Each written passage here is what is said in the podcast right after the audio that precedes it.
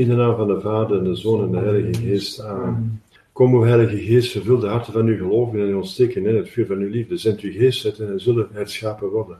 En hij zult het aanzien van de aarde vernieuwen. Laten we bidden, o God, die de harten van de gelovigen door de lichting van de Heilige Geest hebt onderwezen. Geef ons dat wij door dezelfde Geest de ware wijsheid bezitten en ons altijd over zijn vertroosting verblijden door Christus onze Heer. Amen.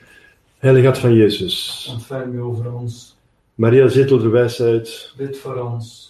Heilige Ignatius van Loyola, Bid voor ons. Heilige Jozef, Bid voor ons. onze heilige bewaarder, Bid voor ons. onze heilige patronen, Bid voor alle ons. engels lieve heiligen. Bid voor In de naam ons. van de Vader en de Zoon en de Heilige Geest. Amen. Amen.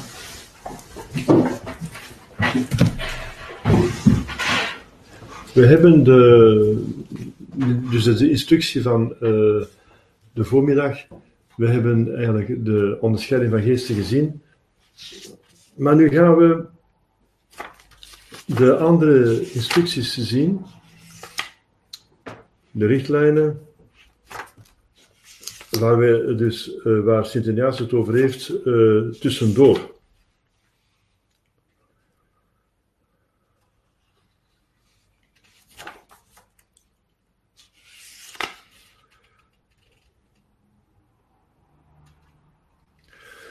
Dus als we gaan naar nummer 79, dat geldt voor de eerste week, maar ook voor de derde week, waar we nu in zitten. Nummer 79.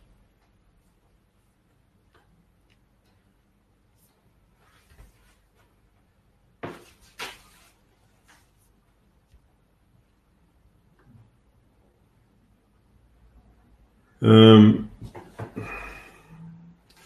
ja, zelfs voordien. Hè. Dus bij de. Voordien. 71, dat zijn richtlijnen. Bij toelichtingen. Hm. Dus het is eh, die. eh, eh, 73 is hoe dat je moet mediteren. Hè? Dus je bereidt het s'avonds al voor, de ochtendmeditatie.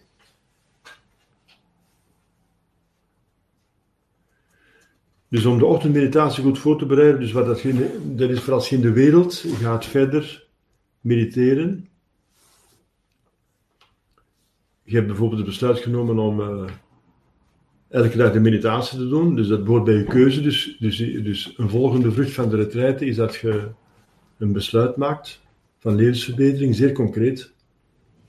Dat kan zijn dat je elke dag gaat mediteren en dan geeft hij richtkleine hoe dat je elke dag moet mediteren. Liefst morgens, dus nummer 73. Als ik, nadat ik naar bed ben gegaan en mij reeds aan de slaap wil overgeven, zal ik gedurende de tijd van de weesgeroet denken aan het uur waarop ik moet opstaan en waartoe. En je hebt al besloten waarover dat je gaat mediteren, dus je denkt al en- aan en zo slaap je in. En wanneer ik wakker word, nummer 74, zal ik zonder plaats te geven aan deze of gene gedachte het allereerste denken aan de meditatie die ik ga doen. Dus in dit geval wek ik mij op, beschaming, over mijn zonden enzovoort. Dus dat is voor de eerste week, maar dat heeft dus te maken met het, het, eh, ehm, mysterie, dus het, het geheim dat je overweegt. En dan 75, dat heb je gezien, één of twee passen voor de plaats waar ik ga beschouwen, zal ik ehm, een acte van eh, geloof doen dat God daar aanwezig is. Hè.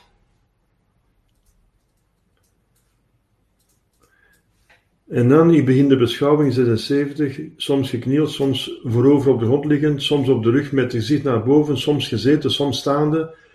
Steeds bedacht eh, die houding aan te nemen waardoor ik het beste kan bidden.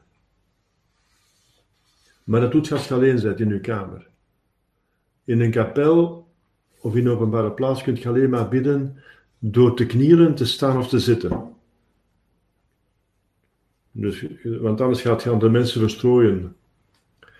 Maar als je soms beter bidt door eh, op de grond te liggen, plat op de grond, op de rug, eh, eh, bepaalde houdingen aannemen. Hè?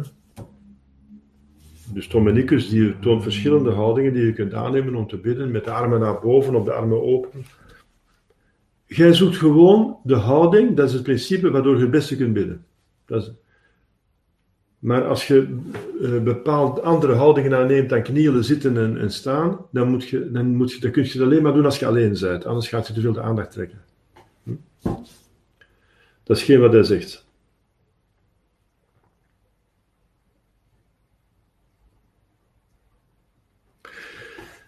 Dus in 78, uh, ik blijf bij het onderwerp. Dus als ik bij de droeve geheimen ben, denk ik niet aan de blijde en de glorievolle geheimen, enzovoort. Dus ik blijf bij het onderwerp. Want anders ga ik alles door elkaar uh, mengen en dan, wordt het niet, dan is het niet goed. Tot hetzelfde doel, 79, zal ik mij alle daglicht ontzeggen door deuren en vensters te sluiten gedurende de tijd dat ik in de kamer ben. Bijvoorbeeld in, in de, als ik het berouw van mijn zonde zoek of in het droeve geheimen. Want dat helpt om beter te mediteren. En bij de glorievolle geheimen gaat je dus de, de, zoveel licht laten, mogelijk licht laten binnenkomen. Weet je? Ook in de droeve geheimen, uh, nummer 80, en uh, als ik dus berouw zoek over mijn zonde, ga ik ver, vermijden om te lachen. Ik ga niet lachen. Dat is nummer 80. De... Niet lachen en niet zeggen wat ander doet lachen. Maar te lachen is opwekt. Dus dat, geldt, dat geldt ook voor de predikanten natuurlijk. Hè. 81. De ogen bedwingen en niemand bij aankijken, behalve als het niet anders kan. Hè. Over de boetvaardigheid, 82. Want dat kan helpen om genade te bekomen. Gebed en boete, zegt Maria. Samen met de traditie van de kerk. Deze is inwendig of uitwendig, met de ziel of met het lichaam. De inwendige bestaat in berouw over zijn zonde met vaste voornemens enzovoort. Johannes van de Kruis gaat nog verder, die gaat zeggen dus uh, alleen maar denken aan wat het geloof u geeft, dat is de, de boete van uw verstand. Geheugen alleen maar u herinneren wat het geloof u geleerd heeft. En, en de wil alleen maar willen wat God wil. Alleen maar met, God, met de wil van God bezig zijn. Dat is de boete van verstand, geheugen en wil. Dus dat is de inwendige boete. En de uitwendige, dat is het, het, lichaam. Kastijding voor de bedreven zonden. En deze worden op die manier beoefend. 83. Dat is bij het eten, de manier van eten. Dus de manier van boete doen voor het eten, dat doen we voor Jezus, want zonder de liefde baat het mij niets. 1 Corinthians 13 zegt, al geef ik uh, mijn lichaam om te worden verbrand, ik heb de liefde niet, het baat mij niets. Dus je doet het altijd voor Jezus, met Jezus. Anders heeft het geen nut. Wanneer wij het overtollige achter, achterwege laten, is dit geen boetvaardigheid, maar matigheid. Matigheid is een deugd, maar het is geen boetvaardigheid. Boetvaardigheid is het wanneer wij een deel van hetgeen ons toekomt achterwege laten. En hoe meer en meer, des te beter, onder voorwaarde dat men er niet aan te gronden gaat. Nog een ernstige kwaal er het gevolg van is. Dus een tweede voorwaarde om goed boete te doen is, je mocht je gezondheid niet beschadigen, maar dat gaat tegen het vijfde gebod.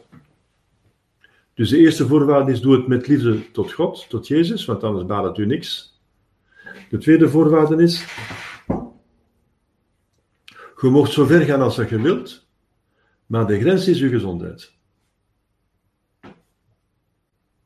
En uh, ook, je moet genoeg kracht hebben om je plichten van staat te kunnen doen. Want is het dus als je zodanig afmat dat je niet meer kunt werken, of de vrouw kan niet meer voor haar kinderen zorgen, ja, dan is er ook, dat is er ook over. Er is geen deugd zonder de voorzichtigheid.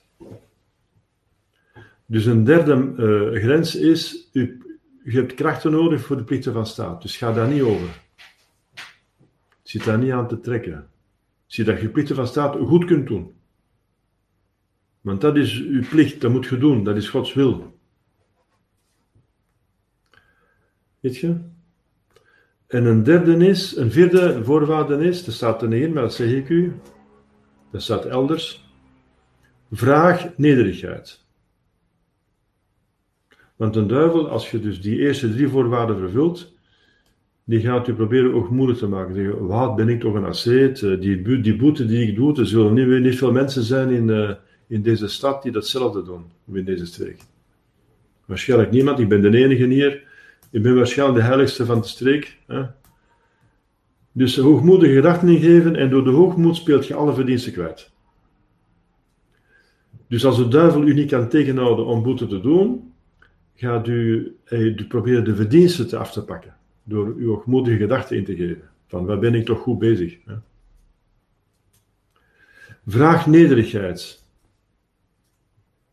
Dat wat je ook doet, het baat me niks, het is niks. Het is niks uh, zonder Jezus. Jezus zegt, zonder mij kunt je niks doen. Vraag te beseffen dat al de boete die je doet nog beneden de maat is van hetgeen dat je zou moeten doen om je zonde kwijtgescholden te krijgen. Want Jezus heeft het belangrijkste deel op zich genomen. Dus welke boete ik ook doe, de doodzonde heeft iets oneindigs, dus het is nooit genoeg. Dus ik blijf altijd onder de maat. Hm? Dus verneder u. Vraag nederigheid. Een van de eerste genaden die gevraagd is liefde en nederigheid. De liefde om te kunnen verdienen en de nederigheid om de verdiensten niet kwijt te spelen. Dat zijn dus de vier voorwaarden om boete te doen uh, op een uh, nuttige manier, op een, manier die opbrengt. Hè. De tweede manier van lichamelijke boete is de wijze van slapen. Hetzelfde, hè? Het is geen boetvaardigheid het overdadigen aan fijne en weke dingen achterwege te laten. Je ligt in een heel zacht bed, ja.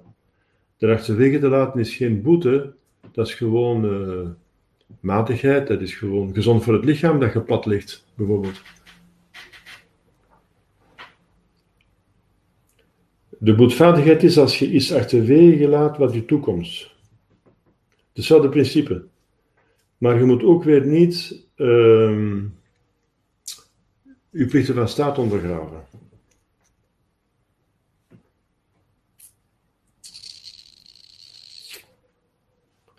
Dus je moet niet tekort doen aan de passende duur van slaap die je nodig hebt.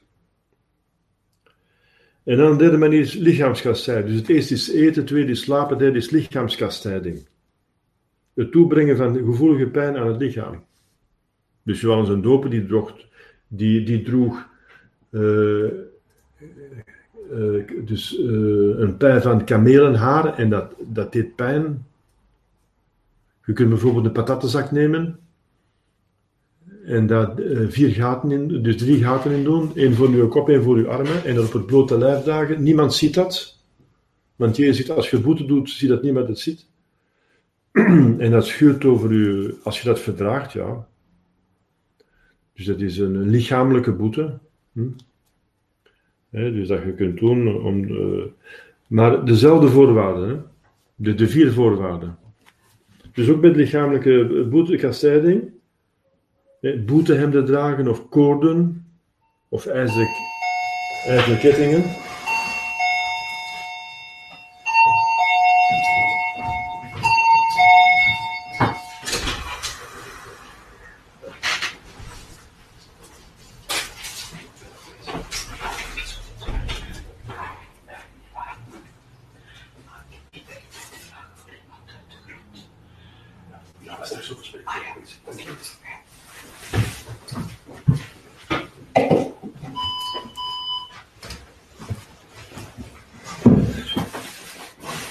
Dus bij de lichaamskastijding hebben we dezelfde principes om uh, dus de vier voorwaarden, omdat het nuttig zou zijn. bijvoorbeeld, uh, er zijn allerlei manieren om je lichaam te kastijden. Hè. Uh, dus er zijn, er zijn, je kunt zweepjes maken, zelfs om je rug te, te kastijden en zo. Uh, dus code met knopen op. Het is erom dat de kloosterlingen zo dagen met knopen. Omdat dat dan gebruiken bij de, bij de, bij de miserere. En dan slaagt er zo wat op je rug als dat je wilt. Uh, enzovoort. Dus, dus je, je, mocht, je mocht alle mogelijke kastijdingen uitvinden zolang het die vier voorwaarden voldoet. Uit liefde tot God, eh, nederigheid vragen, het mag je gezondheid niet schaden en het mag eh, dus de, eh, geen krachten dus, af, afnemen die je nodig hebt voor de plichten van staat.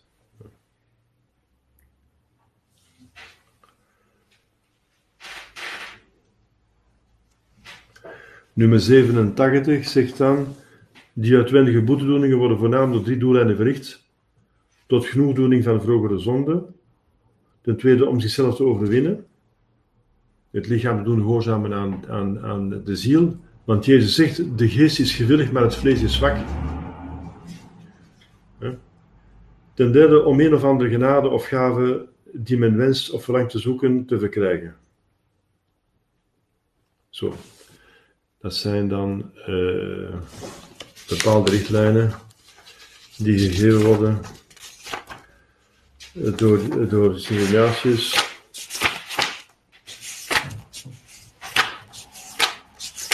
Er zijn nog eh, verschillende richtlijnen die gegeven worden, eh, die we, waar we spijtig genoeg niet veel tijd voor hebben. Bijvoorbeeld nummer 170, die kunt je lezen in uw vrije tijd. Zeer nuttig. Nummer 170 over. ehm,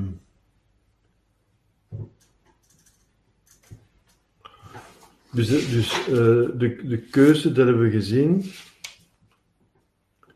De keuze hebben we gezien. Maar. ehm,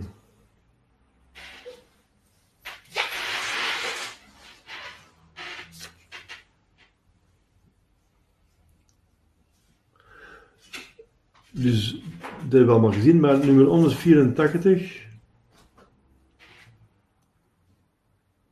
gaat over een manier om een goede keuze. Dat hebben niet kunnen zien. Dus dat is dus een tweede methode om een goede keuze te kunnen maken. Dus het geeft allerlei. Dus beeld u in dat je iemand anders bent, of beeld u in dat je op sterven ligt, eh, of beeld u in dat je dus voor de rechterstoel staat. Wat zou je dan gekozen hebben? Dat zijn middelen om een goede keuze te maken. Wat zou het gewenst en gekozen hebben als je op sterven ligt? Wat doe dat nu? Hm? En dan 189, ook zeer interessant. Ter verbetering en, en hervorming van zijn eigen levensstaat. Dat zijn allemaal eh, opmerkingen die eh, zeer interessant zijn, maar daar hebben we dus in de vijf dagen niet veel tijd voor. Dan de regels voor de voeding. Hoe dat je nu concreet eh, de, mm, kunt eh, boete doen, eh, matigheid beoefenen op de voeding. Heel concreet, dat is 210 en volgende. Dus lees dat in uw vrije tijd als je wilt. Dat is zeer erg nuttig. En dan ehm, de manieren van bidden. Zeer, zeer interessant. Dus, dus, eh, dus er zijn manieren om het mondgebed te doen die een voorbereiding zijn eigenlijk voor de meditatie. Drie manieren van bidden, 238 eh, tot 249 en 28 258. Dus over de geboden, over de hoofdzonde, over de mogens van de ziel, over de vijf zintuigen van het lichaam. De tweede manier van bidden. En de derde is ritmisch. De derde manier is de ritmische manier van bidden. Dus zeer interessant. Dat zijn middelen om tot een goede meditatie te komen. Dus lees dat zeker in uw vrije tijd. Hè. En dan, na de onderscheiding van geesten, heb je dus instructies over het uitdelen van aalmoezen, 337. 337 is ook zeer interessant over hoe dat je aalmoezen moet uitdelen.